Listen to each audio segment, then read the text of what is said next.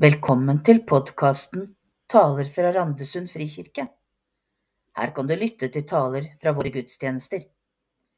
I denne episoden hører du pastor Jostein Ørums tale fra 27. februar om Nehemjas bok. Talen er en del av vår taleserie over bøker fra Det gamle testamentet.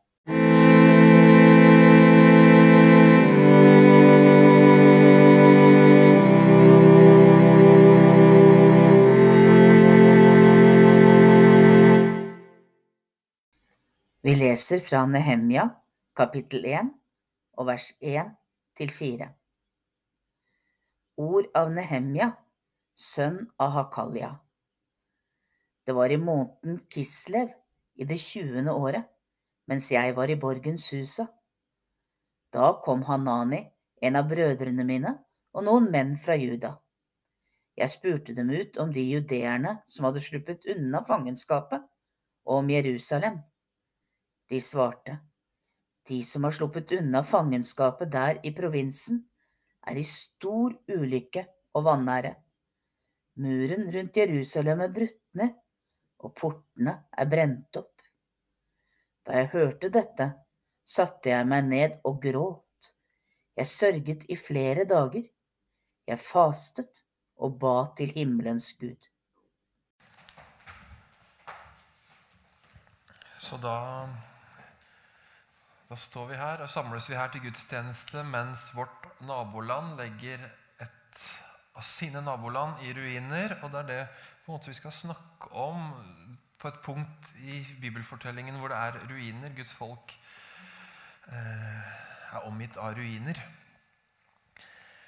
Som dere vel har fått med, så snakker vi om forskjellige bøker i Bibelen. Vi håper liksom at det blir en helhet av det til slutt. At det blir... Eh, at vi kan få en sammenheng, sette sammen prikkene og trekke linjer mellom dem. Og at eh, vi kan få kjøtt på beinet og knagger å henge ting på. Og nå er det Nehemias bok som denne gudstjenestetalen handler om.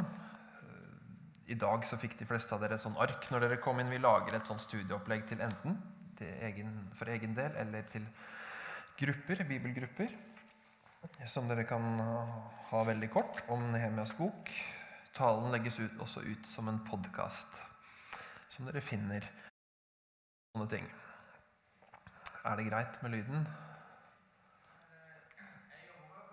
Ja, jeg prater på. Jeg hører en liten sånn feedback. Men uh, vi er Altså, Dere som ser på den tidslinja vi har hengt opp her, det, altså, vi er på slutten av Gamle Testamentet her nå, det vi skal snakke om i dag. Og jeg må si det at akkurat nå, jeg har ikke liksom en agenda med tre punkter jeg vil liksom påvirke dere med. Eller sånn, jeg har mer eller en sånn veldig tydelig agenda, egentlig.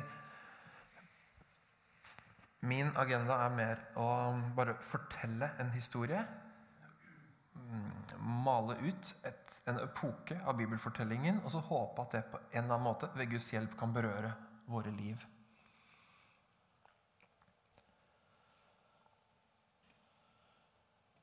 Så sier du hvis jeg må ta en håndholdt i stedet, Sverre. Ja. Eh, men Nehemias bok, altså. Ehm, vi er altså For å si det sånn, så er vi Det er veldig kort denne vi, Glenn og jeg sitter og snakker litt sammen før gudstjenesten. Vi ble litt forvirra akkurat på dette, den siste meteren av den tidslinjen her. Om det er litt, litt feil rekkefølge på ting. Men poenget her er at dere ser, Her er liksom høydepunktet i jødenes historie. Tempelet. Liksom, Salomo bygger tempelet. Alt er fryd og gammen. Og så her er tempelet i ruiner. Altså 587 det er et veldig forferdelig årstall. Et tall i jødenes historie. Det er vel ett av tre forferdelige som er, årstall, som er verre enn andre årstall. 587. Hvor folket blir bortført til Babylon tempelet blir lagt i ruiner. Altså, tem, altså, Tempelet er ikke bare som om denne kirken her hadde blitt eh, lagt i ruiner og falt sammen. Tempelet er eh, identiteten. Tempelet er Guds fysiske nærvær på jorden. Altså, dette er før pinsedag, før Den hellige ånd kommer, og før Jesus sier at 'jeg er med dere alle dager og går ved siden av dere'. Dette er Guds fysiske nærvær, Guds bolig på jorda, er eh, tempelet som nå er lagt i ruiner, og så er folket tatt bort. Ikke, ikke sånn helt i sin helhet, men store deler av folket er kollektivt tatt i fangenskap i Babylon, altså Irak, omtrent et eller annet sted borti Irak, Iran. Særlig da overklassen og de utdannede ble ført bort. Men da, så, kommer, så går det en tid, og så, så har babylonerne blitt erstatta av et annet rike. Og så sier kongen der eh, en dag at eh, nå kan dere reise tilbake igjen, da. Gå. Det står eh, at han får en tanke fra Gud, eller en innskytelse fra Gud om å sende folket tilbake. Så, så um, Når man leser da altså, Vi sier at vi snakker om Nehemia, og studieopplegget er Nehemia. Men egentlig så, så, snakker vi nå om to bøker. Jeg har lyst til å snakke om to bøker. Esra og Nehemia. De står etter hverandre i Bibelen. Uh, skal jeg bytte, Sverre? Jeg hører ekko hele tiden. Jeg kan flytte meg. Blir det bedre? Hvis jeg snakker litt nå, det Jeg prøver å lete etter om noen nikker eller rister på hodet her. Ja. Nei, men da, da, skal jeg ikke bry meg om lyden, så tar Sverre lyden, og så snakker jeg. Men Esra og Nehemia det er egentlig to bøker. I vår bibel er det to bøker. sannsynligvis, eller Helt sikkert har det vært én bok, én forfatter, og så er det delt opp i to bøker som handler om tre personer. To bøker, én forfatter, tre personer, Estra Nehemia. Og det begynner med han som heter Serubabel. Så vi tar det. Det er tre personer som blir på en måte de som skal gå i bresjen for et restaureringsprosjekt blant jødene. Som i hovedsak er i eksil. Serubabel er den første personen. Han bygger opp tempelet. Esra er den andre personen. Eh, pusser støvet av loven og gjenoppreiser gudstjenestefeiringa. Og Nehemia som kommer til slutt, og så reiser opp murene, bymurene rundt Jerusalem som har falt ned. Som vi hørte Ingvild lese om, som er starten på Nehemias bok. Han hører rykter om at murene er rast sammen. Det må vi gjøre noe med.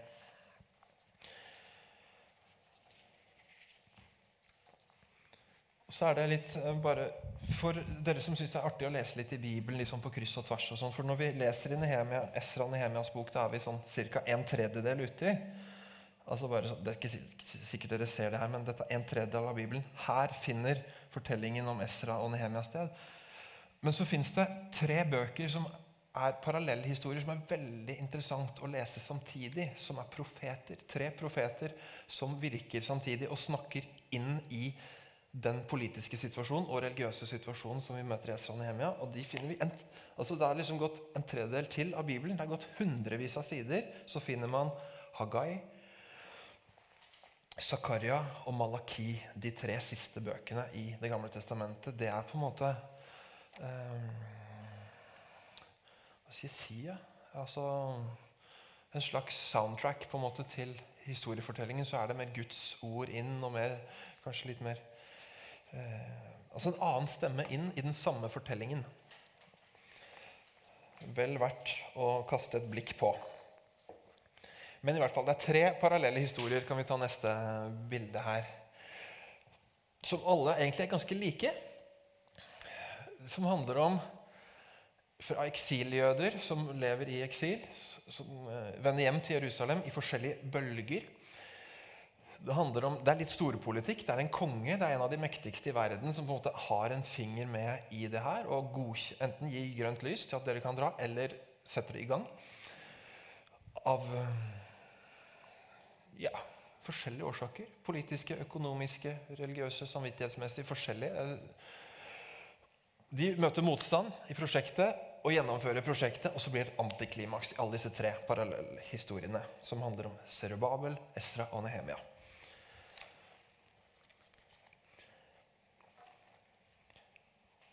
Serubabel først. Serubabel betyr plantet i Babel. Kanskje litt talende, men da har det gått ca. 60 år fra tempelet brant i Jerusalem. Omtrent 60 år. Så blir Serubabel sendt tilbake og får høre ta med deg. De, de som vil, kan reise. Så om det er eh, på 530-tallet før Kristus, i hvert fall. Serubabel reiser, og han setter på en måte i stand tempelet. Det er oppgaven han får, det er kallet han får.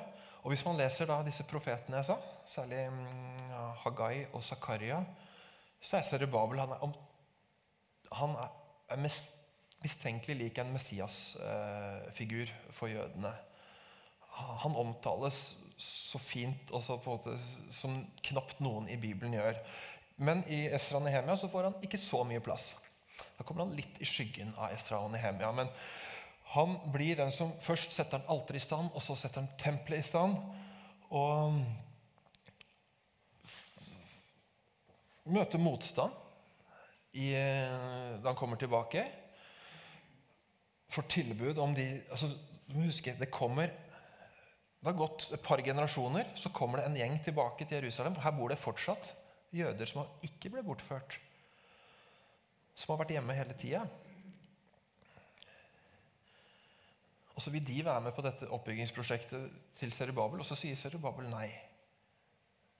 Jeg klarer ikke å forstå hvorfor. helt. Det kunne vi snakket, tatt en lang time på ellers, men i hvert fall det, det blir en konflikt mellom både jødene som har vært hjemme hele tida, og omgivelsene rundt Jerusalem. Så blir det en klinsj. Men det blir i hvert fall Han gjennomfører prosjektet, og så står det eh, Og så er det på en måte fantastisk. Oppdraget hans er utført. Og så er noen veldig glad, og så er det noen som er så lei seg. For det ligner ikke på det vi trodde dette skulle være. Det ligner ikke på det som var. For så står det at mange av prestene, levittene, familieoverhodene, som var så gamle at de hadde sett det første tempelet, de gråt høyt da de så det tempelet som nå ble grunnlagt. Andre jublet høyt i glede. Det var ikke mulig å skille de glade jubelropene fra folkets gråt. For noen var glasset halvfullt, for andre var det halvtomt, kanskje. Altså, det var, det var leven i Jerusalem, noen fordi de var så skuffa, og andre fordi de var så glad. Og Sånn tror jeg kanskje historien om Guds folk er hele tida. Hvordan vi ser det, hva vi sammenligner med, hvilket blikk vi har på livet. Men det er det Serubabel eh, møter, og det var ikke så bra som det var liksom, som jeg husker at det var for mange. Mens for noen så er dette håpene om en ny begynnelse. Så det er Serubabel. Går litt kjapt eh, over Han skal bruke mest tid på Nehemia av disse her. Men så går det faktisk, selv om det er samme Du merker det ikke når du leser Bibelen. Også når du leser liksom Estras bok 1, kapittel 1, kapittel 2, kapittel 3. Så plutselig hopper det omtrent 60 år. Det hopper 50-60 år til Estra. Så da bor det fortsatt folk i eksil. Og bor fortsatt noen i Jerusalem. Kan vi ta ja, tilbake forresten. For det at eh, hele tida her så er det profetene i Gamle Testamentet. Så bare sier de i parentes, som hele tida forkynner Enten de, de, holder til i Jerusalem eller liksom i eksilet, da, altså det nye hjemmet. Så, så fortsetter de hele tida å snakke om håpet, om det som skal bli, om Guds planer for folket, om, om en som skal komme en gang, den salvede Messias om det nye tempelet, om Guds herredømme på jorden, i verden, og løftet om folk. De fortsetter å snakke om disse, disse håpstankene blir sådd hele tiden mens de bor i eksil. Og i denne tida Da kan vi ta det bildet her. Da har vi kommet til Estra, og da er vi på 450, og da er det um, Det er ikke alle som ble med Serubabel og de tilbake 60-70 år tidligere. Men så kommer det en ny bølge tilbake i Esras bok. Og Esra, for jøder er Esra Jeg skal ikke si at han er den største, for det, ja, det vil vel alltid kanskje være David og, og Moses, men Esra er veldig, veldig høyt der oppe som en av de største for jødene dagens jøder også, for han er den som reformerer. Han er den store reformatoren.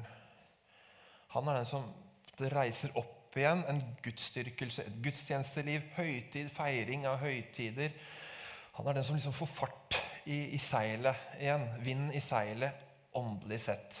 Han bygger ingenting sånn som man kan ta på med hendene, men han får liv i gudsdyrkelsen. Og kommer radikalt inn og reformerer. og renser opp, rensker opp, sånn som reformatorer har en tendens til å gjøre, og luke vekk. Eh, så ble det en stor plass i disse bøkene. Hva, gjør de med blandingsekteskapene? Hva gjør de med de som har bodd der hele tida, og og så har stifta familier og gifta seg med folk som tilhører andre trosretninger, andre guder? Så har det blitt noen sånne blandingsekteskap som eh, deler av Bibelen sier ganske tydelig om. Mens deler, for så snakker vi om Ruths bok.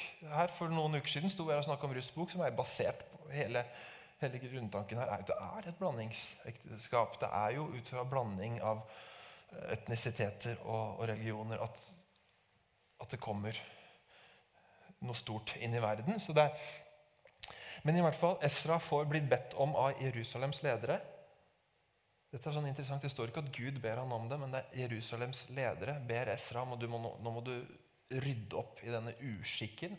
Og Esra gjør det. Og beordrer eh, masse skilsmisser. Så det, det, er en spesiell historie. Eh, og den konflikten det blir sånn på en måte han, Også Esra har denne Han, han gjennomfører, han får fart på på det store prosjektet, og så blir det en konflikt. Det blir gnisninger, friksjon med eh, omverdenen. Men det blir også reformer. Det blir, det, blir, det blir, på en måte liv i den jødiske gudsdyrkelsen igjen.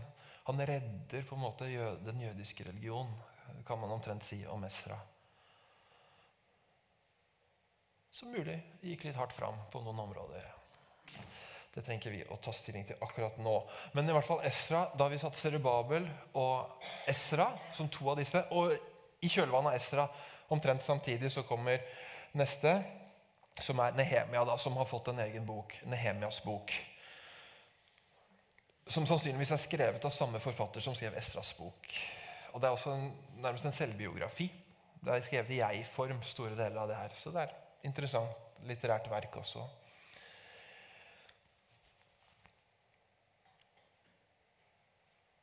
Vi hørte opptakten. Du, sa, du leste så fint, Ingvild. jeg, jeg fikk, eh, Da du leste, Jeg hadde ikke tenkt å si det, men da du leste, så, så, så hørte jeg om Nehemia som sitter der, og så hører han et rykte om noe som skjer langt borte. Og så tar han det inn over seg. Jeg tenkte på den verden vi sitter i akkurat nå. den situasjonen i verden. Han hører om noe som Det angår han egentlig ikke.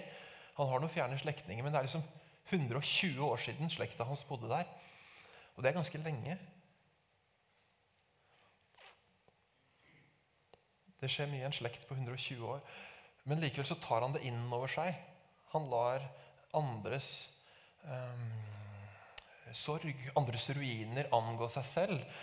Så, så han, han, gråter på vegne av andre, og han tar ansvar på vegne av andre. Langt unna seg selv.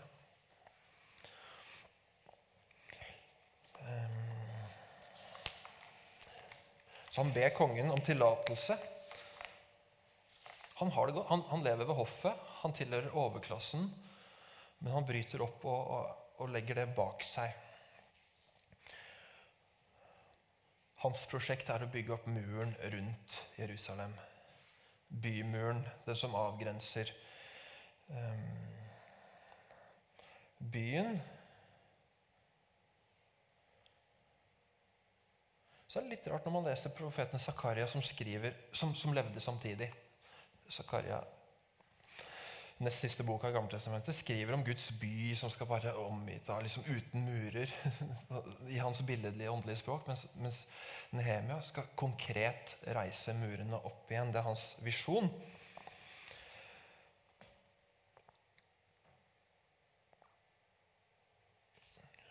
Han møter også det samme som Serubabel og Esra. Han møter denne motstanden. Og er også ganske sånn steil tilbake når, til lokalbefolkningen som bor der. Jerusalems innbyggere og omverdenen rundt Jerusalem. At nei, dette skal, dette skal vi gjøre. Dere, dere, dere får ikke være med på dette. Um, så det, det, er, det, er, komplekst. For det er jo selvfølgelig her er det makt. Han kommer jo med med keiser, altså keiser Artaserkses, persiske keiseren, som um, har sendt Nehemia. Og Sannsynligvis ikke uten baktanker, for han sender med soldater. Og han ber oss Nehemia skal ikke bare eh, bygge muren, han skal også sørge for at han får samla inn skatter. Så kirkene i verden henger veldig ofte tett sammen politisk situasjon i verden og, og verdens riker og herskere også Bibelens eh, fortellinger. Nehemia er utsending for å, hindre, for å, sørge for at Artaserkses får finansiert sitt rike. Også det er en del av historien. Og den andre delen er at han skal Jerusalem, som sagt, Guds nærvær på jorden, Guds sted på jorden, liksom det viktigste stedet for jødene. Her skal vi bygge en mur rundt, her skal det være beboelig, dette skal være vårt hjemme så får han denne konflikten med, med omverdenen også. For da er jo de truende. Da, da kommer den persiske makta er i ferd med å etablere seg igjen i Jerusalem. Kanskje noen føler på disse folkene rundt. Så Nehemia i ganske, går i ganske eh, anstrengt forhold til omgivelsene. Eh, kapittel 1-7 skildrer jo denne byggingen av muren og denne konflikten. Mon tro hva er på neste bilde her, Torfinn? Er det et um, uh, Ta tilbake, for da skal jeg heller lese det som står. Da skal jeg lese det som står. Hva gjør de da, når det er vanskelig, og de er trua? Fiendene våre fikk nå høre at vi kjente til planene deres, at Gud hadde hindret den. Og da vendte vi alle tilbake til muren, hver til sitt arbeid. De hadde en pause i muren. De fikk en pause pga. motstanden. Så de, Da vendte vi tilbake til muren, hver til sitt arbeid. Og Fra den dagen så arbeidet halvparten av de unge mennene mine skriver han, i jeg-form, på muren, mens den andre halvparten sto med piler, skjold, buer og brynjer. Og lederne sto bak hele folket som bygde på muren. Bærerne gjorde arbeidet sitt ved å bære med den ene hånden, holde våpenet med den andre. Og hver bygningsmann hadde sverdet festet ved hoftene mens han bygde og hornblåseren sto ved siden av meg.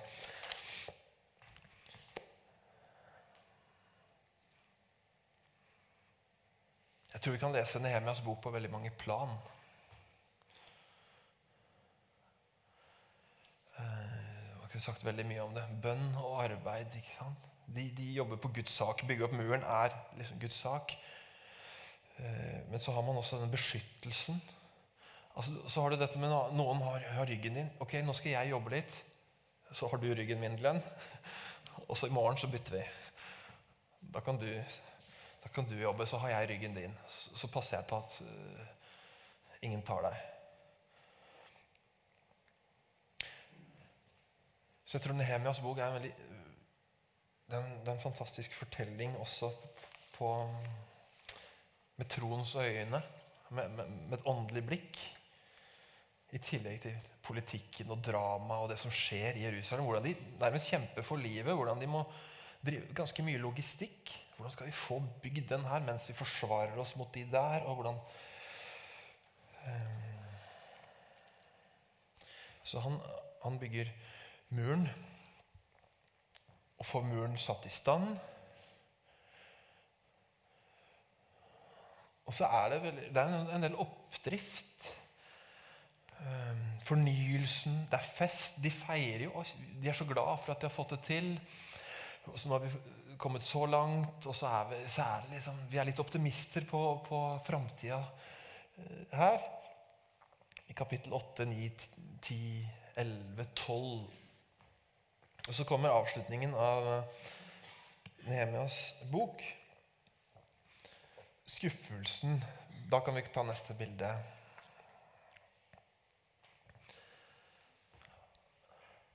Og egentlig ikke noe skjer.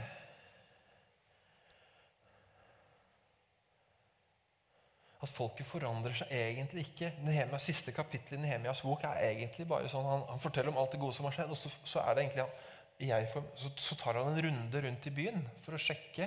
Det er nærmest det som skjer. Han går rundt og ser, og så ser han at det Serubabel satte i gang, det som han reiste, det blir, det blir vanskjøtta. Det blir ikke tatt vare på skikkelig. Altså, det er dårlige folk. Det er feil folk som eh, forvalter tempelet og har tempeltjenesten. Det, det, funker ikke i tempelet. Så ser han på Estras reformer. Det, de har glemt det. Det er gått fem år siden, kanskje. De har glemt det. Hvor høyt oppe de enn var nå, så har de liksom vendt ryggen til det. De store ordene de hadde den gangen. Det er liksom ikke noe igjen av de. Det er sånn Nehemia går og observerer. Og til og med inntil den muren som han selv har bygd, har de satt opp handelsboder og liksom tar det ikke på alvor. Eh, det er, det er kapittel 13 av Nehemias bok. Og så er det sånn og så har han den der bønnen som går igjen flere steder i, i Nehemias bok. Men husk på meg, da. midt i det. Jeg prøvde så godt jeg kunne. Det er omtrent det han sier til Gud. Gud, jeg gjorde så godt jeg kunne. Det er alt jeg har overfor deg. Det, det er omtrent det han sier. Altså, jeg innser nå at det ikke funka så bra. Det gikk ikke så veldig bra med oppgaven jeg egentlig skulle gjøre, men det var det jeg klarte. Så det er Hvis man finleser Esra og Nehemia, disse tre fortellingene, så er det liksom Det, det er en sånn rar, sånn bittersweet, bittersøt eh, sluttakkord i det, som er veldig eh, menneskelig.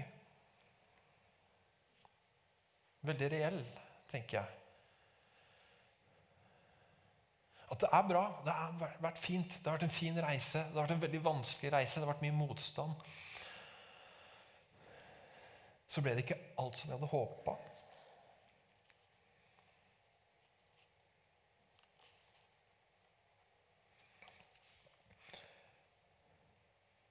Neste bilde.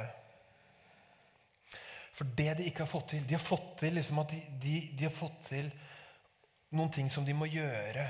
Men det er som om på en måte ikke hjertene har blitt involvert i det store prosjektet, ser det ut som. Eh, så det er som om man leser fortellingen om Nehemia, at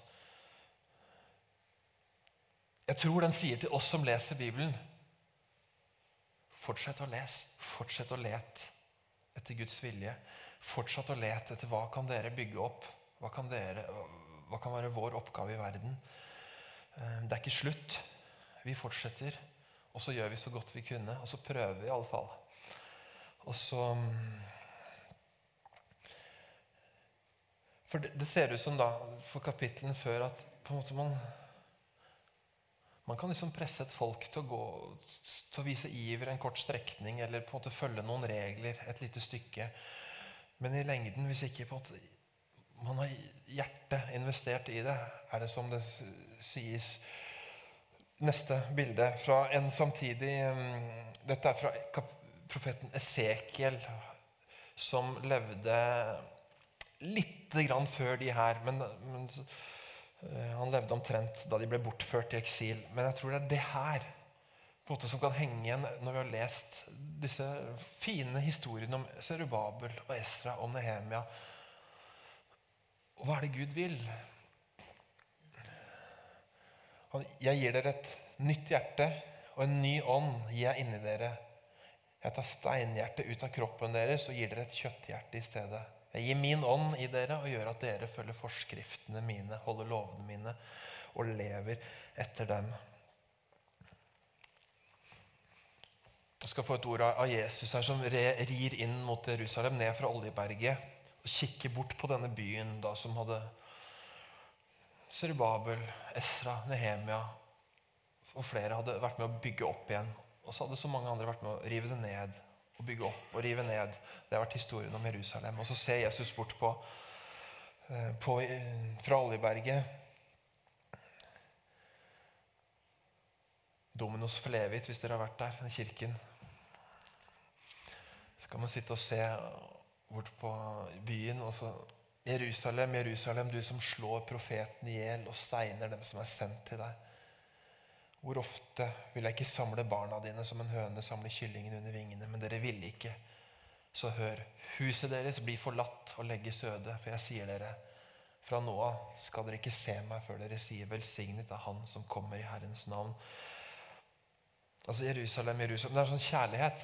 Et, altså, vi kan godt glemme ordene som står der, men vi kan ikke glemme kjærligheten og Guds bankende hjerte for Jerusalem, da, eller, eller, verden, verdens mennesker, som banker for Guds hjerte banker for menneskene.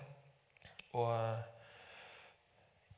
det vi gjør, det havner ofte i ruiner. Vi blir minna på det sørgelig, i sørgelig stor grad akkurat nå, i disse dager. Men vi kan, vi kan komme til Gud med det, og så kan vi så tenker jeg at det passer fint. Nå er det fastelavn. Du sa det, Glenn.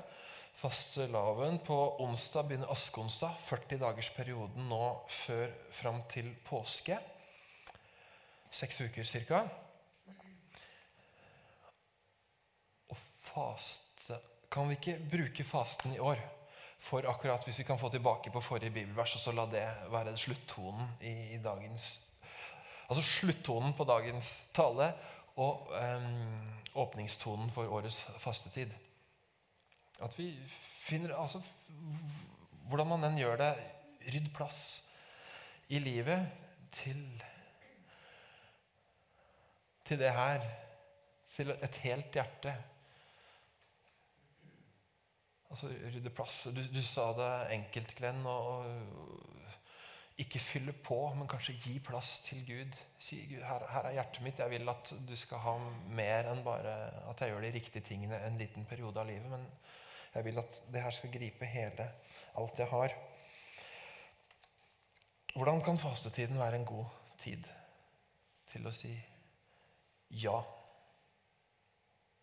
Man, man, mange tenker at fast er sånn der, nei, nei, nei. Da skal man ikke det og skal ikke det. det. det. er ikke poenget. Da har man ikke skjønt fasten i det hele tatt. Fasten er å si ja til Gud.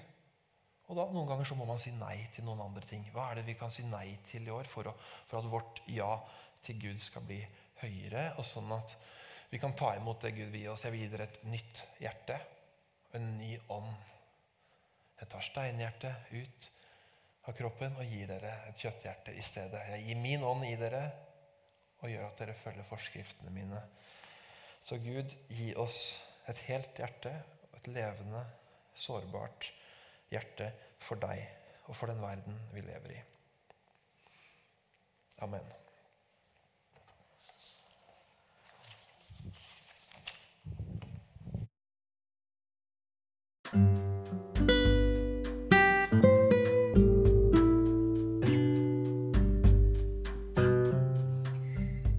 Du har nå lyttet til en tale i taleserien om bøker fra Det gamle testamentet fra Randesund frikirke. Du finner flere taler i samme serie på det samme stedet der du fant denne.